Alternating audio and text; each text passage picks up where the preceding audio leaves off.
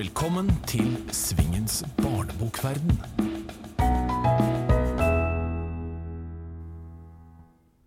Da er vi altså tilbake i Svingens barnebokverden. Og i eh, dagens episode så har jeg igjen to gjester. Det er Bjørn Sortland, og det er Ragnar Hovland. Vi skal begynne med deg, Bjørn. Velkommen. Takk. Jeg tenkte egentlig vi skulle begynne rett på mysteriebøkene, OK. Ja. som ungene kaller det. Eller Ja. kunstdetektivene, som det er vel formelt sett For mange stavelser. Ja. ja. Ja. Fordi det er jo en suksesshistorie. Ja. De er det mange, mange unger som har et forhold til, og som leser. ja. Hvordan begynte det?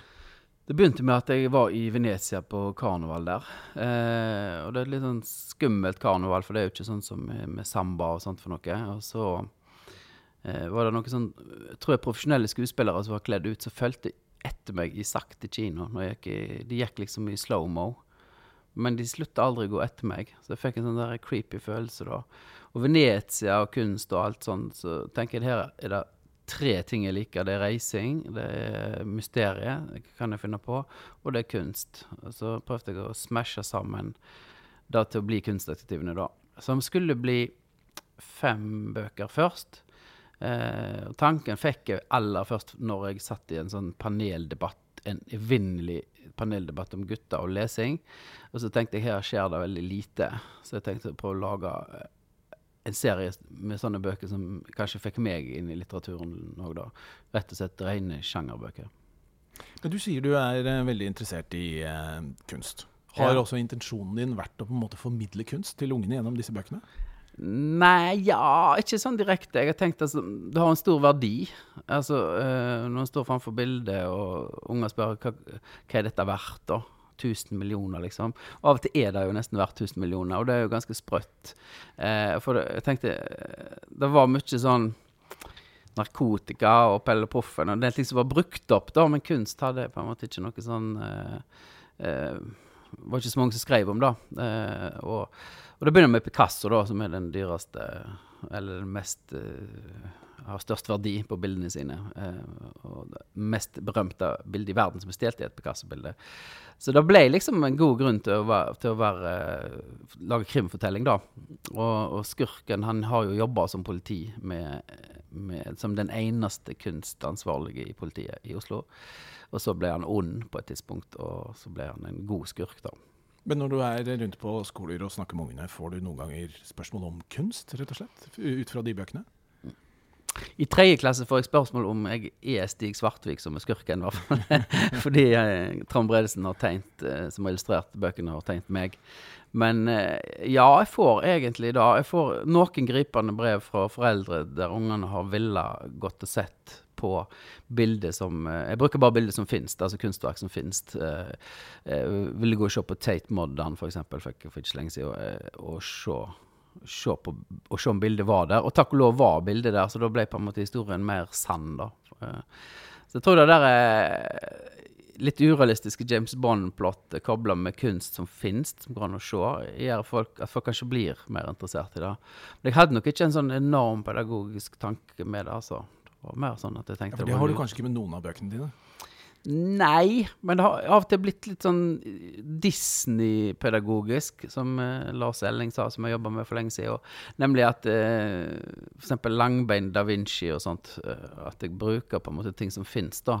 Eh, og så har jeg ikke så eh, Jeg har ikke noe sånn veldig fantasy-gen, så jeg må på en måte prøve å jazze opp ting som finnes i virkeligheten, da. Eh, som jeg syns kanskje er vel så interessant, da. Men, eh, men eh, ja, jeg har heller ingen formell kunstbakgrunn. Så det er bare rent interesse og begjær for kunst som kommer gjennom.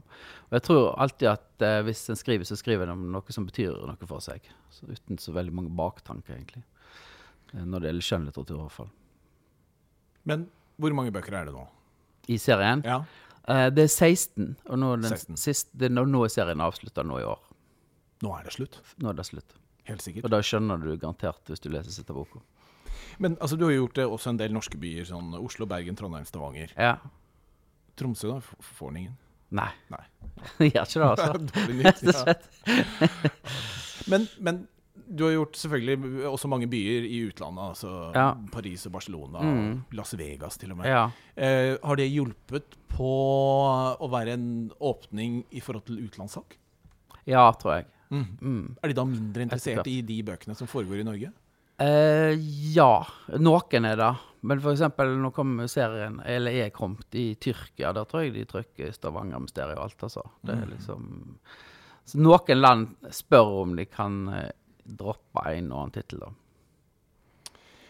Nå, uh, De siste bøkene har jo kommet ut på Piggsvin forlag. Ja. Det er jo eh, foreløpig ikke et av de største forlagene i Norge. Nei, det er det ikke. Kan du fortelle litt om hva slags forlag er dette? Piggsvin er jo noe sympatisk med, da. Eh, som eh, Det blir jo ofte overkjørt, eh, men det er jo kjekt å ha det i hagen. Eh, og jeg har jo da, etter mange, mange år, eh, begynt å gi ut bøker sjøl.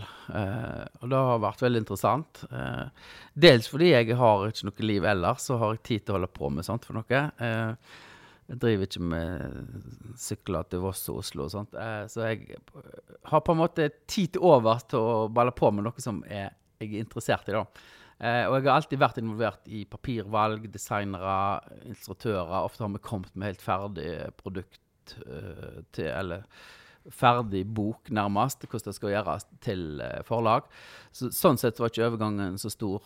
Um, så jeg syns det er veldig interessant etter mange år å se hvordan bokbransjen virker. Og det er veldig mange ting jeg eh, ikke har visst noe om eller tenkt på eh, før jeg begynte å gi ut sjøl. Men hva, hvis du skal ta, hva er fordelen og hva er ulempene ved å utgi Eh, bøkene selv? Altså Det du må gjøre, i hvert fall, som kan bli en veldig ulempe, det er hvis du bruker Rita på regnskap som har kjøpt ny Mac til å lage cover, eller du lar en venn, gammel lærer, gjøre Dette, språkvask. dette er sånn du ikke gjør. Ikke gjør det. Eh, kjøp de vanlige tjenestene og betal ikke vennepris og sånt for noe. Eh, så jeg betaler helt vanlig til folk jeg har jobba med før. Så stort sett så er jo alle det jeg jobber med, frilansere og illustratører og designere og alt. Men du må ha gått på en eller annen smell i løpet av den tida sjøl, har du ikke det? Eh, mer nesten tidsmessig, tror jeg, rett og slett. Og så har jeg mer redaktørhjelp og mer eh, enn jeg har hatt før i Angst og beven. For, fordi små forlag får ofte, fortjent eller ufortjent, et rykte om å liksom ikke gjøre jobben skikkelig, da, rett og slett. Så jeg har uh, ikke Altså, da er ulempen med å gjøre det, da kommer du fort skjevt ut. Eh, Fordelen er jo at du har kontroll, og hvis du tjener masse penger, så tjener du enda mer penger. hvis det skal skje. Uh, for du får en del sjøl, men du må jo ta bokhandlermøte, du må ha distribusjon. Uh, du må ha redaktørhjelp språkvask, alt, alle de tingene der. ja. Så det, den kjedelige delen av det er jo en ulempe, da, hvis ikke du er interessert i det. kan du si. Men vil du likevel anbefale oss eh, andre forfattere å, å gjøre det? Nei, egentlig ikke. Nei. Fordi Fordi du må ha utrolig mye tid til det. eh, og så må du like det. Og så er det jo på en måte eh, ensomt, da. Sant? Men det er jo litt ensomt å sitte og skrive uansett, så det, er ikke, det har jeg fiksa for lengst, for å si det sånn. Eh, ellers så tar bokhandlerne har tatt greit imot meg. Jeg er invitert på festivaler. altså Skrivelivet mitt er så før, altså. Men eh, ja. Jeg skal stille deg et litt uh, vanskelig spørsmål. Det ja. er Jeg eh, holder meg fast. Du får bare avvise spørsmålet hvis du mener det er for vanskelig. Altså, eh, hvis du skulle beskrive deg selv som forfatter, hva slags type forfatter vil du si at du er? Um, Det var det jeg sa, det var litt vanskelig. Ja, det er vanskelig, egentlig, for det er et stort spørsmål. Men jeg tenker lenge og skriver fort, tror jeg. Mhm. Altså, jeg kan planlegge en bok kjempelenge, men når jeg setter meg ned, så prøver jeg å få gjort ånda mens jeg er i en eller annen flow, eller hva jeg skal si. Eller ja, flow eller ikke flow. Jeg tvinger meg gjennom det, da. Um, så jeg er nok en sånn forfatter som Frida Kahlo-boka som kom i 1992, begynte jeg å planlegge i Nei, i 2009 begynte jeg å planlegge i 1992. Eh, så, og, men når jeg skriver, så skriver jeg fort. Eh, ellers er jeg en som på en måte tror jeg leser veldig mye forskjellig. Jeg er ikke så eh, Kanskje lett å plassere, eller jeg skriver graphic novels, jeg skriver eh, bildebøker, ja. Så Men det er jo flere andre forfattere som har det sånn òg, altså. Men eh, Mhm. hva type forfatter jeg er Jeg ble invitert eh, en gang til, som en realistisk forfatter til en festival. Ja, jeg var en realistisk forfatter. Så ja, jeg vet ikke. Litteratur er jo mindre og mindre entydig, syns jeg, hva det er for noe. Og da blir vel kanskje forfatteren får jo òg flere bein å stå på etter hvert. Det er mange som skriver film, det er mange som skriver teater. Uh, og jeg husker når jeg uh, skifta forlag i sin tid, så var det få som gjorde det. Da var regna som en sånn eh, forlagshore, var noe som sa til meg da. Men det er ikke, det er ikke noe stor problemstilling i dag. rett og slett. Nei, det vil jeg ikke tro. Um, I denne podkasten så har vi gjestespørsmål fra andre forfattere. Og uh, det er to gjestespørsmål til deg. Begge går på litt det samme. OK. Det første er fra forfatter Atle Hansen, ok. og eh, jeg leser. Du har ein todelt forfatterskap. Med seriøse ungdomsbøker, ofte med tunge etiske og filosofiske tema. Og barnebøker, gjerne med utgangspunkt i billedkunst på nynorsk. Og så har du de populære spenningsbøkene, underholdningsbøkene på bokmål. Hvorfor dette skiljet? Mener du nynorsk ikke egner seg til underholdning og spenning, og vice versa at det er tyngre for deg å skrive om vanskelige tema på bokmål? Eh, et tendensiøst spørsmål, vil jeg si.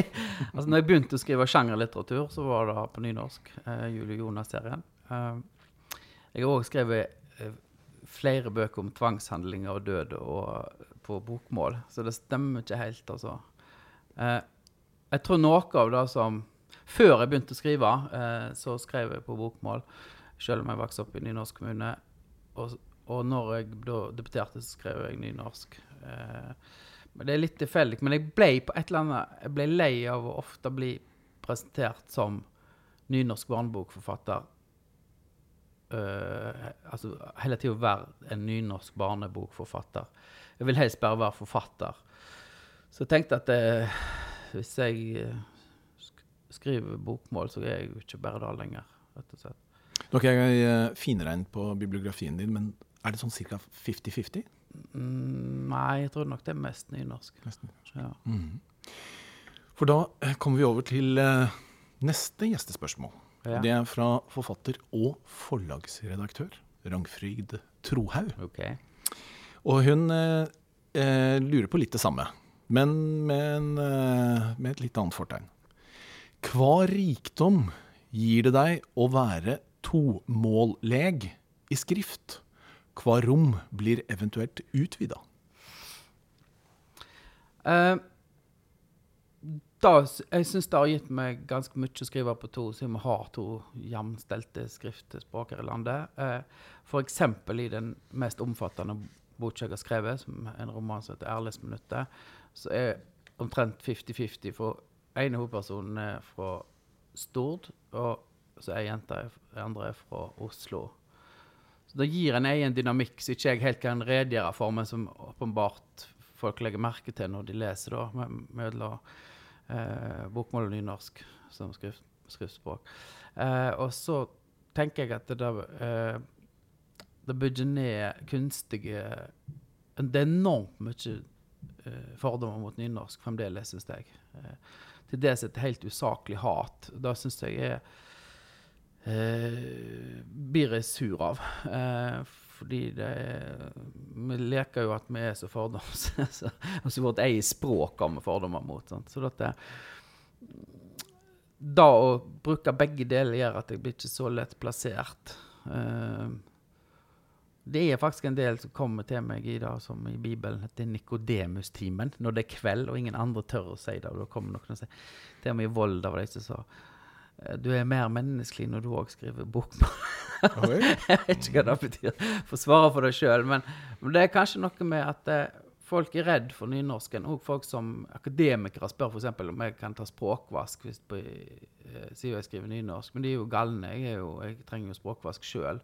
Det er en sånn har blitt, tror jeg, for noen en slags, slags eh, angst og otte, og ikke bare bruke nynorsk helt sånn fram, selv om du har alle forutsetninger til å gjøre det, egentlig. Så Jeg syns ikke det er så vanskelig å skrive nynorsk eller bokmål.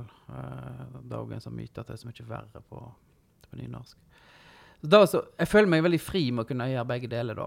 Eh, og det er ofte helt random hva jeg velger når jeg skal begynne med ei bok. Jeg kan begynne på bokmål, så blir det nynorsk istedenfor. Av helt uklare grunner. Fordi jeg Ja, jeg vet ikke. Men apropos språk. Ja. Hvordan er finsken din? Den er utrolig stødig. Det, det har vi ikke de problemstillingene med to, to språk.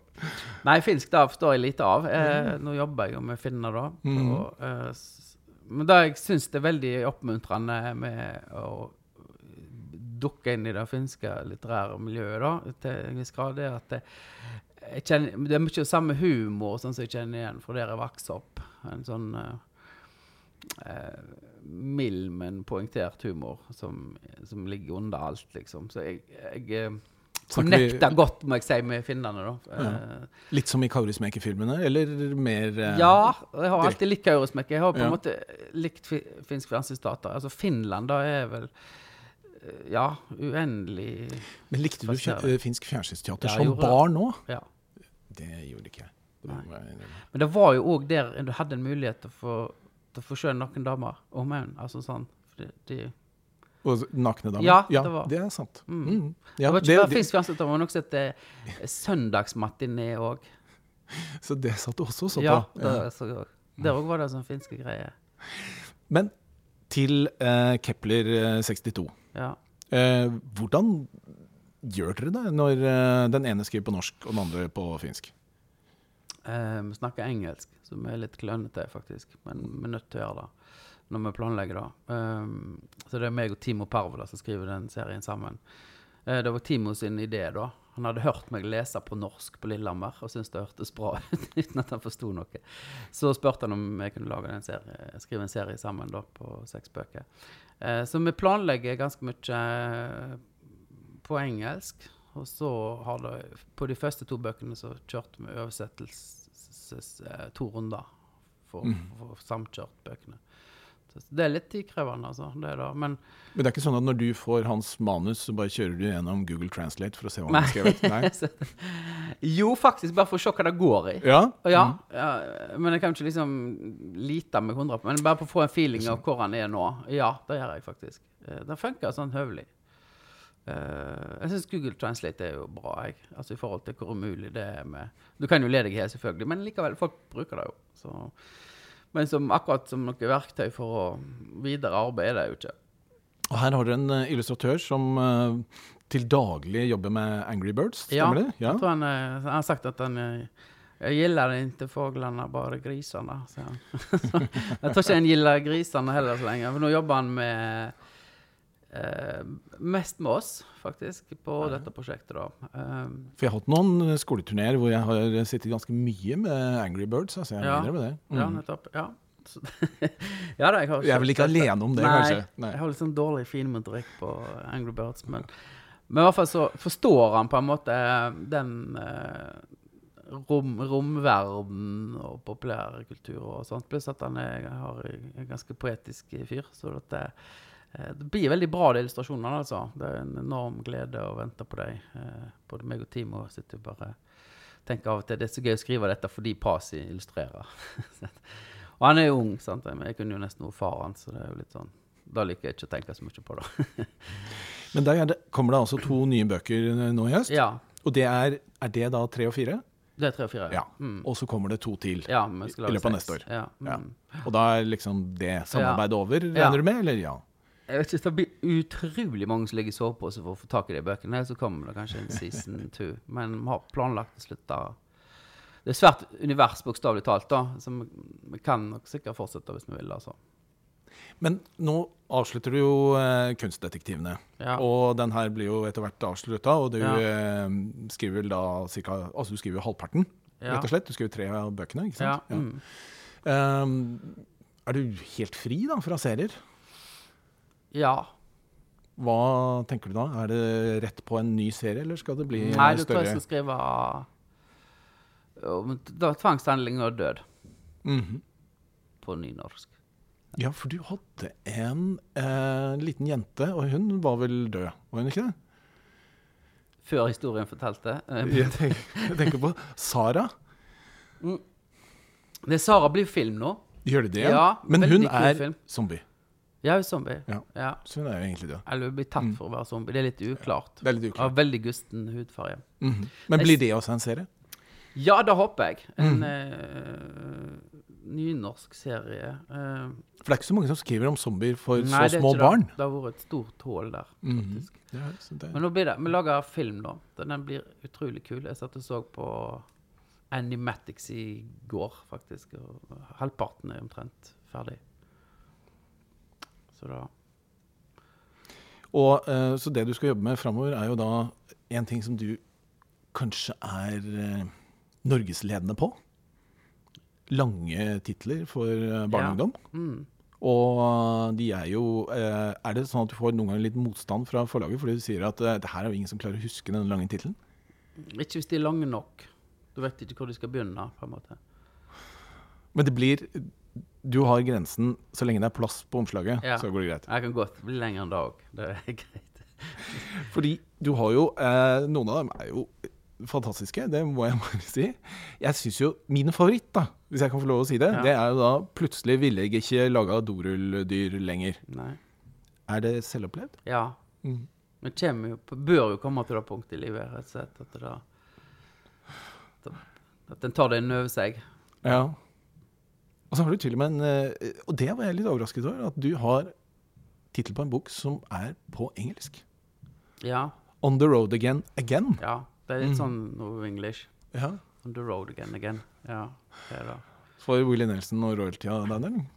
Ja, nei, jeg gjør ikke Både Bob Dylan, jeg tror det. Det er On the Road, og så er On the Road Again av Bob Dylan. Eller noe sånt. Eh, og så er det denne, da. Willy Nelson-låt. Mm. Jeg har utfordra deg til én ting. Vi er jo eh, historiefortellere på en eller annen måte. Vi skriver jo bøker og historier, og noen ganger så må de også fortelles. Så jeg har bedt deg om en forfatteranekdote. Ja, i og med at Ragnar er altså, Det husker jeg sikkert ikke Ragnar, håper jeg, men det var en av de første gangene jeg opptredde for, i forlagsværa. Samlaget var, Norske Samlaget var 125 år. Og så hadde jeg brukt hele honoraret mitt på å kjøpe dress, tror jeg, fordi dronning Sonja skulle komme der. Hun sa nynorsk er et vakkert språk der det hører naturlig hjemme. Da lurte jeg på hvor det var. Men eh, hvert fall etterpå på kvelden så satt vi Det var Ragnar og Iben og en til som satt der. Eh, og så skal jeg fortelle en morsom historie. Eh, og så var jeg så nervøs så jeg fomla med, med å åte suppa. Eh, så bare fomla jeg med suppa, så greide jeg å sende hele suppa rett i fanget på Iben Sandemose, da. Eh, og ingen sa noe. Um, da var jeg forferdelig. Det var er fordi det var så forferdelig jeg forteller det. Ragnar sa ingenting. Eh, Og Iben sa Nei, ingenting? Nei. jeg tror jeg ble, ble ikke så glad. Da- da hadde vel pynta seg, hun nå. Ja. Ja. Jeg hadde jo Du hadde jo så ny dress og alt, sa kona mi etterpå. Så det var, det var min fa- forfatteranekdote, rett og slett. Så, Men du har lært nå, du spiser ikke suppe på Jeg spiser suppe helt tatt. Nei, ikke det det er slutt. Ja. Nå har vi kommet til det punktet i eh, denne podkasten at vi skal få inn gjest nummer to. Det er da eh, selveste Ragnar Hovland. Jeg regner med at du har eh, lest en del eh, Ragnar Hovland-bøker, Bjørn? Det har jeg lest. Uhorvelig mange. Eh, og jeg har jo også hatt Ragnar til lærer i et år på Skrivekunstakademiet.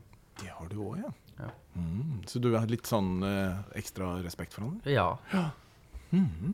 Velkommen, Ragnar. Takk skal du ha. Mhm. Da er vi fulltallige her. Og eh, du har ikke skrevet noe på bokmål noen gang?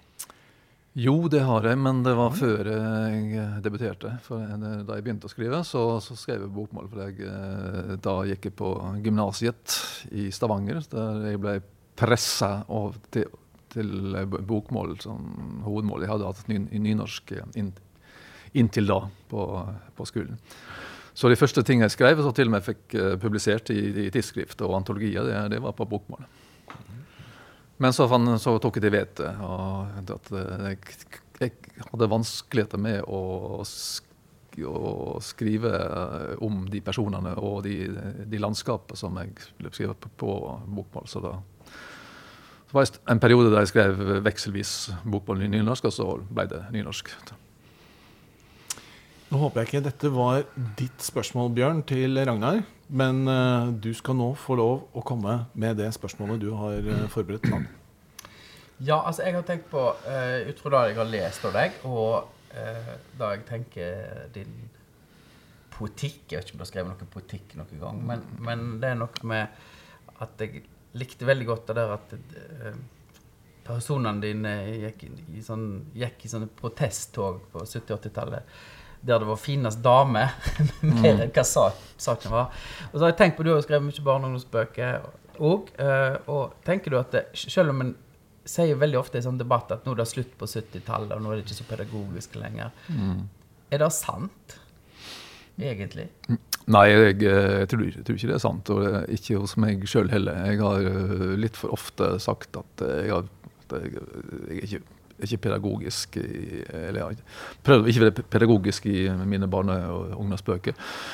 Men uh, den tid for lenge siden da jeg fremdeles rød rundt på skolebesøk, så var det noen skarpe elever som kunne påpeke at jo, se her, se her hva du, hva du har skrevet. Du er jo pedagogisk som et udyr. Og det, og det, var en litt, liten vekker, men jeg, jeg tror altså det er iallfall et snev av uh, pedagogikk. Det, det, det, er vanskelig å komme unna. Altså, men uh, altså de store klassiske barnebøkene som, som er mine ideal da jeg begynte å skrive, det, de, det er lite pedagogisk. Og, og, det var der jeg tenkte altså, jeg, jeg tenker iallfall ikke pedagogikk når jeg skriver, men det, er vel litt en ballast som kanskje ja, jeg tenkte ikke spesielt deg, jeg tenkte bare sånn generelt. Da. Ja, nei, Generelt så, så, tror jeg pedagogikken den, den er, finst ja. fremdeles. Skal vi ta ditt spørsmål til Bjørn? Ja.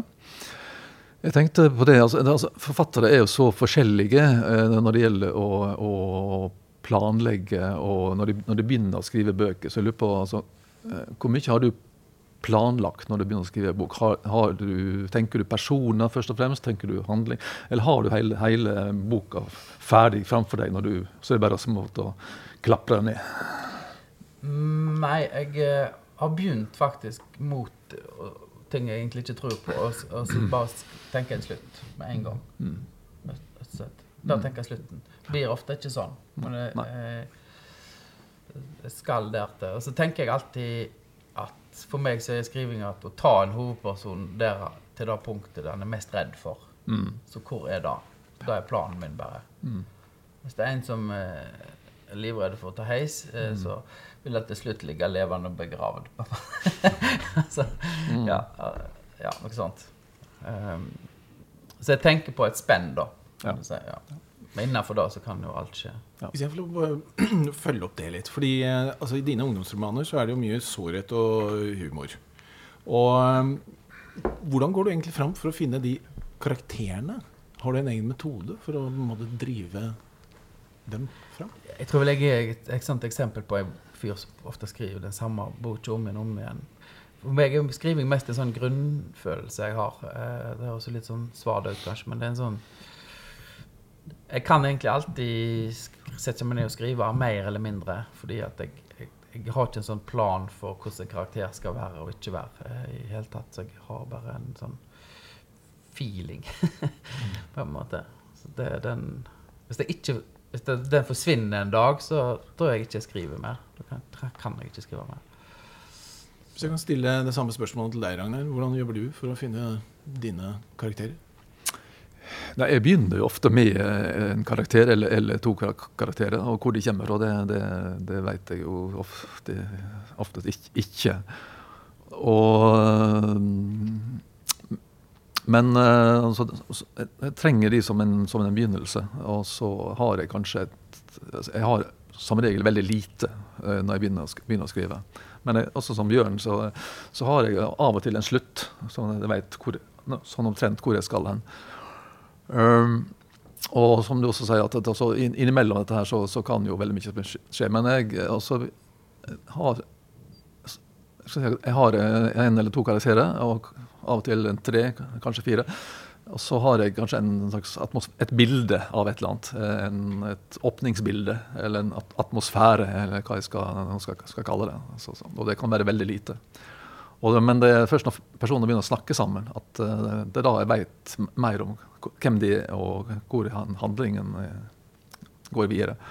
Og da, og da, da finner jeg ut også hvem er de neste, neste karakterene som jeg treng, trenger i, eh, i handlingen. Altså.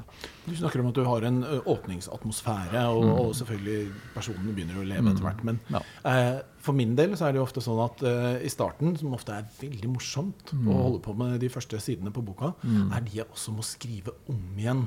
Eh, nesten alltid. Rett og slett fordi jeg ikke kjenner karakterene mine godt nok Nei. til at det vil fungere i helheten. Hvordan er det for deg? Nei, det- nei det, det, er, det er ikke sånn for meg, tror jeg. Eh, jo, det hender at jeg må forandre på det, men stort sett når de karakterene som er, som er der på første side, de, de er der de, når boka er, også er, slutt. For jeg, jeg forandrer veldig lite når jeg skriver. Jeg tror at eh, la oss si mellom 70 og 80% av det som jeg skriver som rett ned, det, det blir stående. Såpass, ja. Ligger du på den samme prosent, Bjørn? Nei, egentlig ikke. Men jeg eh, John Irving sier I'm not a good writer, I'm a good rewriter. Så å skrive om igjen eh, gjør jeg mer. Men gjør det mer nå. Jeg vet ikke hvorfor. Uh, det, det blir, jeg syns ikke det blir lettere blir, å skrive. jeg blir mer sjølkritisk. Ja, det blir mer selvkritisk. med- med året Utrolig av og til. Altså. Så jeg, Ja, så jeg, jeg, også, jeg er mer kritisk nå enn jeg Ja, var før. så nei, liksom. Eh, så da er ofte uheldig, for skriving er jo på en måte å skyte litt for ofte òg. Mm. Altså, I hvert fall skjønnlitteratur. Så, så jeg at eh, jeg, jeg har av og til noen sånn der eh, antagonist-protagonist-tenkning, da. Det er en slags Altså sånn, Dramaturgi er av og til nødvendig. Det er litt sånn som Viagra. Hvis ikke du trenger det, så er pinlig og upraktisk. går jeg ut fra. Eller as astmamedisin. Ja, eller astmamedisin. det det være, Ja. Same, same. Så dette, jeg, men av og til så må jeg bare tenke sånn OK, jeg har en antagonist, da nå er det for lite smell i historien, eller hva skal jeg si, da. Så Men som ofte så handler jo historier om de, de samme tingene, da. Døden er der jo på et vis, og ja Det er jo som eh, Jon Fosse sa en gang, det kan aldri bli vondt nok i skjønnlitteraturen. Eh, jeg, jeg tror ikke han mente sånn overfladisk smerte, tortur, på en måte, men altså sånn da og det, det, det, er- det uendelig, liksom. Eh, så så du, hvis du tar tak i det, så, så vil leseren følge deg alltid, eh, tror jeg, altså. Eh, jeg vet ikke om det var svar på spørsmålet i det hele tatt, men på en måte er jo en del ingredienser da, som, som, som gjør at disse Hvis noen er ensomme, og da går ut fra de er alltid, så vil jo da gi seg forskjellige uttrykk. sant? Um, og da kan det bli tilsynelatende forskjellige karakterer, da. Men i bunn og grunn så er det ofte den samme karakteren. Så, ja. Bjørn, da skal vi si eh, tusen takk til deg. Jo, selv takk. Skal du få lov å eh, henge litt i eh, sofaen her. henge litt i baren.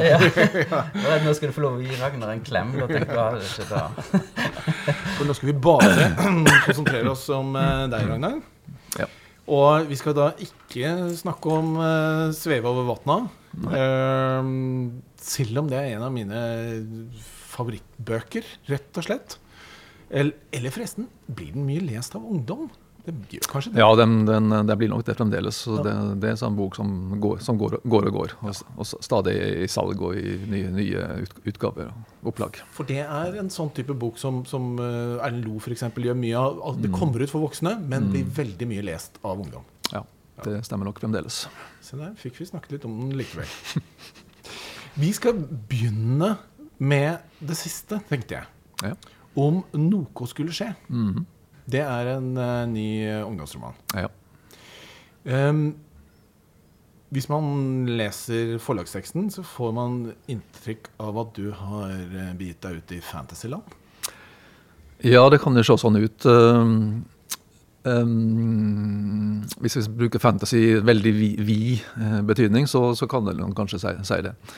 Men, eh, mitt utgangspunkt det, det, var jo rett og slett eh, det å bruke eh, gamle greske Orfius og Evredyk-myten og prøve å gjøre noe ut, ut av den. Det tok, det tok, lang tid. Den boka skulle komme ut for iallfall tre, tre år siden, men sånn, sånn, gikk det ikke. Så, jeg måtte, så det støtter på en del problemer underveis. Men jeg tror det kom, det, tror det kom i mål sånn noenlunde til slutt. Du sa jo i stad at du beholder ca. 78 mm. av det du skriver. Ja, jeg har ikke et sånn nøyaktig Nei, Men, men, men jeg, jeg, har en sånn, jeg tenker at det, sånn, det ligger omtrent der. Har denne vært skrevet mer om igjen enn uh, andre? Nei, den, den, har ikke det, men den stoppa opp uh, en del ganger. Og så jeg måtte liksom ta meg sammen, og nå må, nå må vi bare videre. Og, og jeg måtte, liksom, jeg måtte pla, planlegge litt mer enn jeg, enn jeg har gjort i, i mange av de tidligere bøkene. Altså, hva, hva, hva skjer i neste kapittel? Hva, hva trenger jeg nå?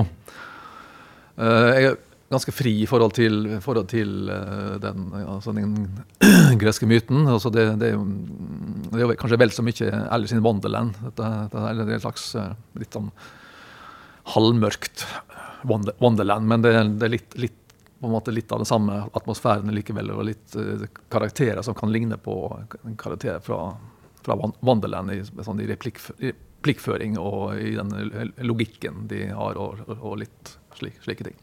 Kanskje du kan si et par setninger om hva den handler om?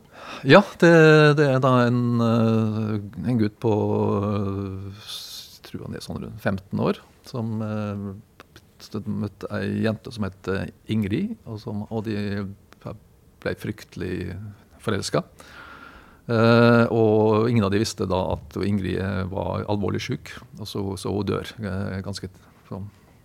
Så det er sånn det, det boka opp, åpna med, at, at han Reiner, som han heter, uh, ikke, ikke orka egentlig å, å, leve lenger for at, hun, at Ingrid er død. Han vil, han ta livet av seg, det, sånn men, men, han orka liksom ikke å delta i, i, i det virkelige livet. Eh, så møtte han en eh, litt eh, mystisk person som heter Percy, som er noe litt, litt eldre enn han, som, som har som, Ja, en Egentlig en typisk my, mytefigur. som viser han til en, en, person som blir viktig i romanen, som, som bare går under navnet Kapteinen. For kapteinen har møtt en fyr en gang som da kjenner veien til un underverden, og han har da hørt historier om en som heter Orfeo og Elvira, som er, på en måte, er en litt moderne variant av Orfeus og Evridyke. Og, så, eh, så, og kap, denne kapteinen kan da vise han hvor han skal dra ned i underverdenen. Og det kapteinen og, hans, og hans ikke har regnet med, det at de blir dratt med. Så, at, så blir det, det blir litt Tintin og kaptein Haddock på eventyr i dødsriket. Eh, med, med hund og det hele. Så, eh, ellers så følger jeg jo eh, til dels myten med at de må, over, de må over den store elva, og der går det, går det ferje som ligner litt på en vestlandsferje. med en kvinnelig kaptein, og ferja kjører inn i et sånn oppdrettsanlegg på, på, veien. Og, liksom så. Ellers så, så um, har jeg henta trekk altså, fra, fra, det bildet av det gamle Øst-Europa. Ting fungerer ikke helt. Altså, TV-apparater de, de, de, altså, det er bare gamle program, og hvis en skrur på, på, så er det mest, mest flimring. flimring også, men uh, av og til så får du inn et lite bilde. Og, og, og det, er ikke, det, er ikke, mobildekning. Det, jeg skal ikke si hvordan det ender, men, men, eh, det er altså en reise gjennom underverdenen eller, eller dødsriket med de personene som en møter underveis. På jakt etter Ingrid. Du sa du hadde brukt en del tid på denne boka, og du hadde mm. stanset litt opp underveis. Mm. Og sånn. Eh, men du har jo utgitt eh, relativt mange bøker til ja, sammen. Ja. Og det er vel ca. ti år siden forrige ungdomsbok. Ja, det var vel eh, i 2008, kanskje. Så iallfall åtte år. Ja. Så, men uh, Vil du si at du skriver mindre nå, eller? Jeg skriver mindre, ja. Det, det, tar, det tar ikke lengre tid mellom, mellom hver bok. Mm. Så eh, I min ungdom så skrev jeg jo minst, eh, eller ga ut minst to, to bøker i året. Gjerne en voksen og en barn- eller ungdomsbok, men eh, nå går det gjerne fem år mellom. Ja, For du feiret jo 20-årsjubileum som forfatter med 20 bøker på én gang. Ja. Det tror jeg ingen andre har gjort. Nei, det tror jeg det. første som har, som har kommet på eh, den eh, tanken. Men eh, du har jo eh, skrevet barne- og ungdomsbøker eh, så å si eh, hele veien. Eh, Altså din første mm, barnebok kom vel i 1980. Ja. Og hva fikk deg til å begynne med det den gang?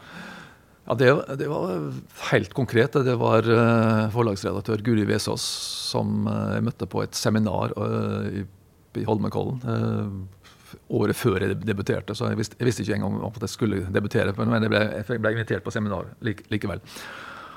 Og jeg tror hun hadde, kanskje hadde lest det, det som debutromanmanuset mitt. og hun hun det, det sånn hanka, inn eh, forfattere som tenkte at kanskje kunne tenkes å skrive barnebøker. og spurte om jeg kunne tenke meg å skrive barnebok. og da sa Jeg jeg sier ikke nei til Guri Vesaas, så jeg sa ja, det skal jeg gjøre. Så. Og da skrev jeg eh, den første barneboka. Det var, det var veldig inspirerende å, å bli spurt om jeg kunne tenke meg å gjøre noe sånt. Så jeg hadde ikke egentlig tenkt Selv om jeg før, et par år før jeg debuterte, så hadde jeg skrevet noen sider på noe som som så, så ut som et eh, barnebokmanus, men det, jeg hadde ikke tenkt at det skulle sånn, bli noe mer ut, ut av det. da. Så, den, så, jeg, det, så den første barneboka skrev jeg i løpet av ganske kort tid. På et par togreiser i Tyskland. Så, så. Men du har også sjøl jobbet som, eh, ikke redaktør, men som konsulent. Ja, jeg har jobba som, som redaktør et, men det et, et, et års tid, men mest, mest som konsulent. Og da leste du eh, stort sett det som kom inn til forlaget eh, av Ja. alt, eller konsentrert om barne- og ungdomslitteratur? Nei, det, det, da leste jeg alt. Både, både barne-, ungdoms og voksen.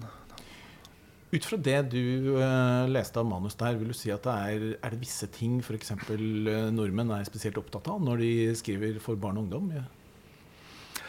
Ja, det kan, du- det kan du si. Altså, de, de, en stor, stor prosent av de manusene som kom inn, det, det var, kom vel fra eh, eh, pensjonerte eh, lektorer eller, eller best, best- bestemødre som hadde skrevet små, små fortellinger for barnebarna sine, som de hadde fallet i god jord, og som tenkte at dette, bør flere få eh, ta, ta, del, ta del i.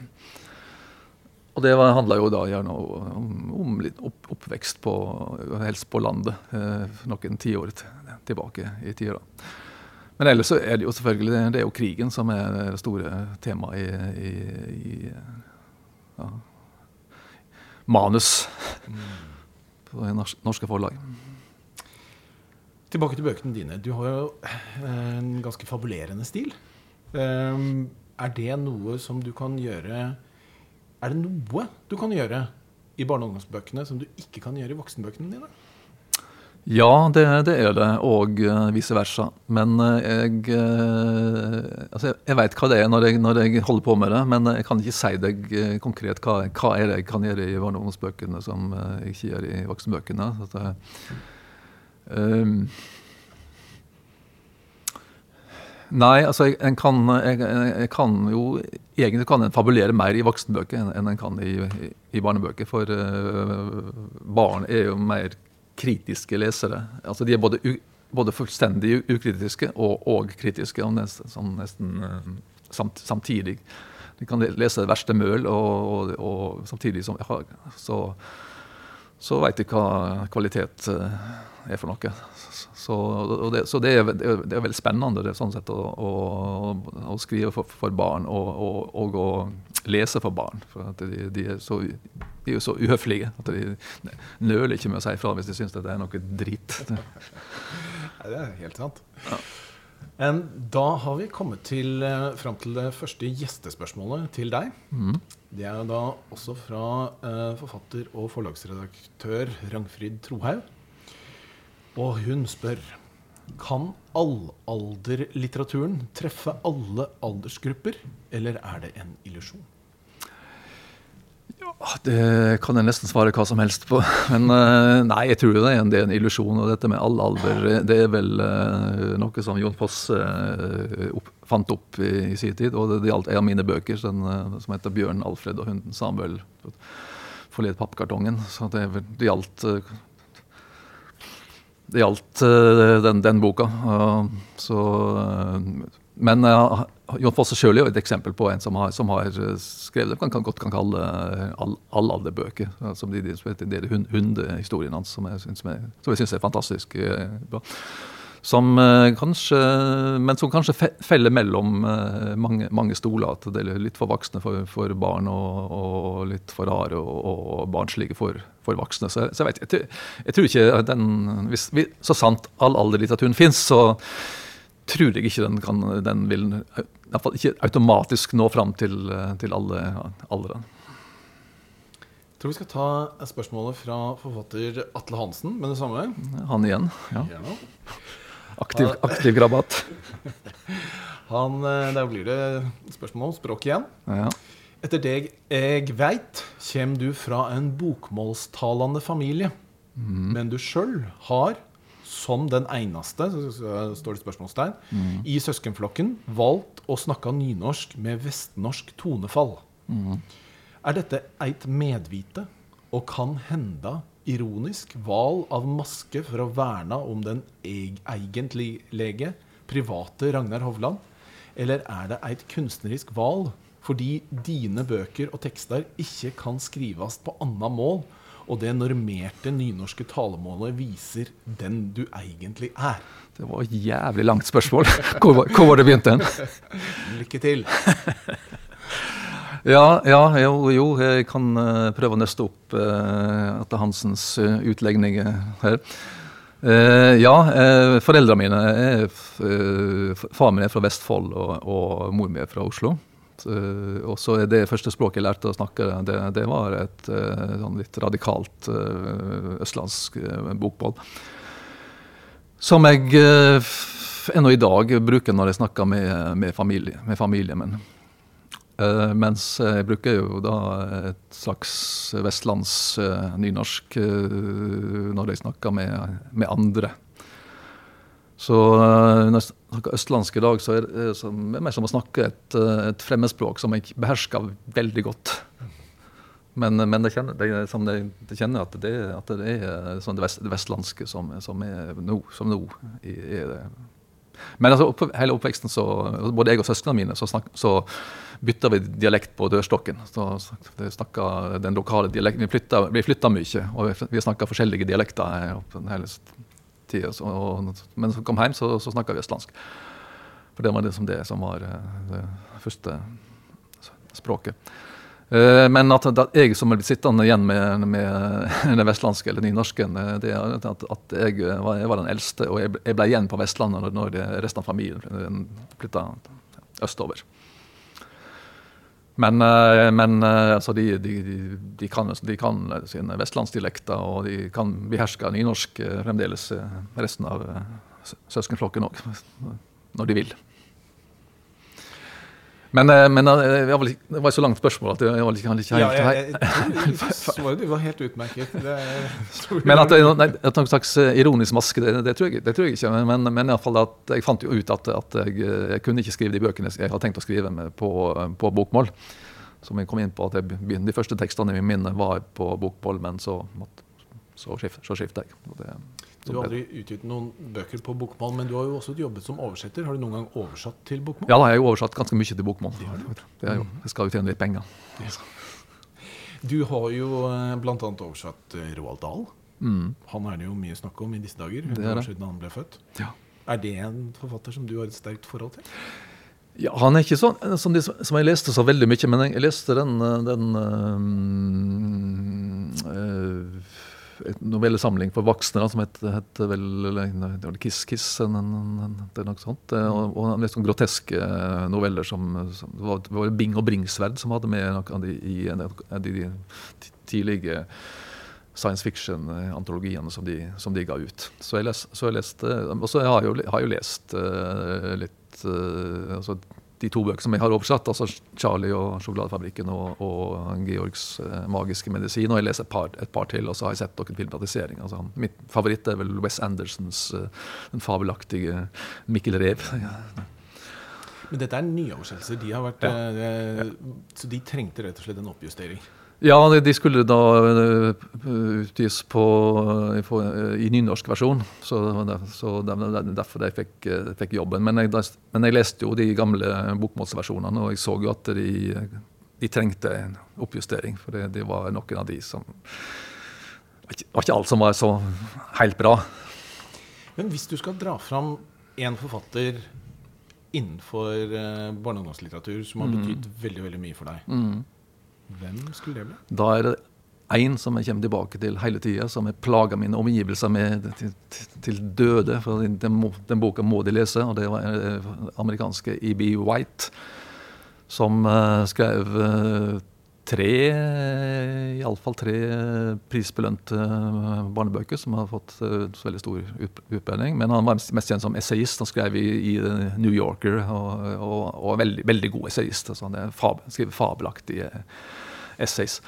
Men uh, min favorittbok, som jeg fikk uh, da jeg var ganske liten, sånn, kanskje det sjuårsbursdagen eller sånt, det, heter da Stuart Mus på norsk. Stuart Little, på, som, er også, er laga filmer og senere. Filmene er ikke så veldig gode, men uh, boka jeg synes jeg var fantastisk. Jeg synes den da, var, da jeg leste den for første gang, og jeg synes det fremdeles uh, i voksen alder synes jeg det er en helt fantastisk bok. Uh, og jeg har skrevet, skrevet et lengre essay om, om, boka, og jeg framhever den i alle, sam, alle sammenhenger. Er dette noen bøker som også trenger en, en nyoversettelse? Ja, Det var Sinken Hopp som oversatte den eh, til, norsk. Og den, var, var, den fulgte datidens uh, um, trend med å fornorske navn litt. Grann. Uh, og forenk, litt grann forenkling. Ikke, ikke, så veldig. Men jeg syns fremdeles at det er en god, en god oversettelse. Så, men jeg kunne godt tenkt meg å lage en ny oversettelse sjøl. Du er en forfatter som har fått en uh, rekke priser, og også uh, nådd veldig mange lesere. Så jeg har lyst til å stille et litt uh, vanskelig spørsmål der. Hvis du måtte velge mm. mellom masse lesere der, mm. prisene er der borte, mm. ikke så mange lesere rundt de prisene, mm. hva ville du valgt? Nei, det er klart at en vil jo gjerne ha lesere. Og man har fått en pris eller to, så been, been there, done that. Så det, jeg, eh, altså jeg vil ikke anstrenge meg for å nå mange lesere, men jeg vil, jeg vil gjerne ha de. Så jeg tror jeg ville valgt det. Jeg har bedt deg også om en liten anekdote, og da stilte meg spørsmålet Kan den handle om noen andre. Ja, ja, ja. Selvfølgelig kan den det. Nei, men jeg skal handle om meg sjøl uh, likevel. Jeg tok, tok, tok til vete der òg. Så uh, den har jeg også referert noen, noen gang til med, med offentlig. Det var at jeg i sin tid, eh, kan det være en 20 år tilbake, så skulle jeg holde et morgenkåseri i NRK. Fem minutters, fem minutters sak, sånn eh, fem på halv åtte, og det gikk på, på direkten. Og det skal handle om julesanger. Og så natta før så hadde jeg uh, sittet oppe ganske, ganske, lenge i godt, i godt, selskap og helt innpå med både det ene og det andre. Så uh, Da bodde jeg på, på, på, Torshov i Oslo. Så våkna jeg klokka åtte og aldeles hinsides fyllesyk. Og, og hvis at fem, fem, på halv åtte skulle jeg være i studio i NRK, altså om 25 minutter. Og jeg hadde ikke begynt å skrive eh, dette kåseriet som skulle handle om uh, julesanger. Så det, jeg fikk på meg et uh, klesplagg eller to og ringte etter en uh, taxi. Og så på veien, i, ta, i, taxien på veien opp til NRK så skrev jeg da dette, mitt fem, femminutters fem kåseri som jeg tror uh, handler om uh, sangen uh, 'Glade jul'. Og, og, det var ingen, som klaga på det. Det var helt forferdelig. Jeg kjente, kjente meg så elendig. det var... Jeg kom ut, ut, av studio etter å ha levert etter mitt, mitt, verk, så satt presten og forfatteren Eivind Skeie ute i og så, Han var på gråten, for han syntes jeg hadde så fin dialekt. Og da kom jeg hjem igjen og fikk lagt meg. Så det, det er ikke måte på hva en forfatter eh, kan bli ut, utsatt for. Mm. Men du er eh, over gjennomsnittet interessert i musikk. Mm, det tror jeg kanskje vi kan si. Og har musikk vært en viktig metode for deg når du skriver? Altså bruke det på en eller annen måte? Mm. Nei, ikke bevisst. i fall. Jeg eh, vil helst ikke høre på musikk eh, mens jeg skriver, men jeg vil høre på musikk når jeg, eh, jeg tar, tar pause. Og, og, det er klart at, helt klart at ja, musikalske stemninger og, og tekster de har, har påvirka meg opp gjennom, gjennom tidene. Så eh, Uten at jeg sånn, peker på konkret eh, det, det og det, men, men eh, absolutt. Altså, det er sider i, i mange av bøkene mine som jeg kan si at det, ja, det var da jeg liksom hadde hørt på den, den og den. og mm, er slik og slik. Så har jeg mye musikalske referanser, men det er sånn name-dropping-greie, og det, det er ikke så, så viktig, liksom. Men, men stem, stemningen og, og tekstlinjer, det, det er klart det har.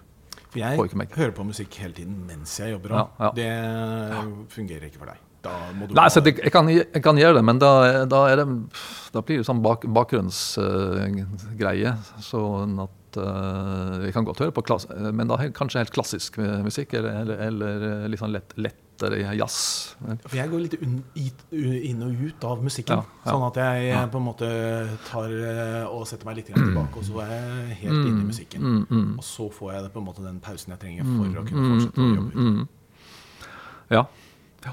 Nei, men uh, som sagt, jeg, jeg, eh, jeg eh, vil helst ha det, ha det stille mens jeg, akkurat mens jeg skriver. Altså da heller ta et musikalsk input til, mellom skriveøktene.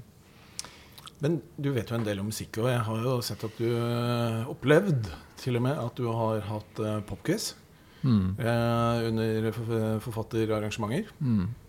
Så jeg tenkte bare å ha en liten popquiz på slutten her eh, med deg. Ja. Det er veldig enkle spørsmål. Ja, kjør på. Ja. Um, Beatles-albumet Abbey Road. Mm. Hvilken jeg, jeg, jeg kan gi deg en ledetråd uh, etterpå hvis du er usikker. Men mm. uh, hvilken låt åpner side to på vinylen? Åh, er det um, Det er det um, Vil du ha en ledetråd? Ja, takk. Hvilken George Harrison-låt åpner oh, Ja. side to? Da vil jeg tro at det er 'Something'. Det er den andre George som er på det albumet. Ja, Da er det helt kommet til sant. Da er det helt Comes to Sun. Ok, nå eh, Hvilket år kom Beach Boys-albumet Pet Sounds ut? Det var vel i 66. Det er helt riktig. Det interessante er jo at de avslutta altså innspillingen i midten av april. Og når kom det ut? I midten av mai. Mm. Da gikk det fort. Det gikk fort. Men tid. Sånn det Men de første Beatles-albumene ble jo spilt inn i løpet av et par timer i studio. Altså. Så eh, er det et litt annen type spørsmål. Uh, Jimmy Henriks låta 'Purple Haze'. Så er det jo da linja 'Excuse me while I kiss the sky'. Mm. Hva tror du jeg og mine kamerater trodde han sang?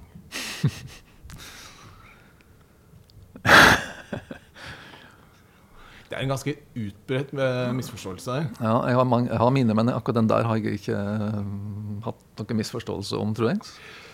Det var 'Excuse me while I kiss this guy'. Nettopp. Hva, har du noen fine misforståelser som du kom på? Ja, Den eh, mest nærliggende er vel den eh, Beach Boys 'Good Vibrations'. Det som jeg, eh, trodde het good Vibrations'. Og jeg lurte voldsomt på hva 'brations' eh, betydde. Den siste her tror jeg du klarer ganske lett. Hva er den geniale tittelen på albumet til De nye kapalanene som kom ut i 1999? Og det tror jeg kanskje jeg kan si deg. Den heter vel 'Living Next Door to Alice Cooper'. Og premien er at du kan få lov å ta utroen på eh, dagens podkast. Oi. Ja, men da skal vi si at eh, det var veldig hyggelig å være med på podkasten her. Og det var hyggelig selskap. Og jeg håper veldig mange kommer til å komme inn og høre, høre på dette. her. Når kommer neste episode av Svingens barnebokverden?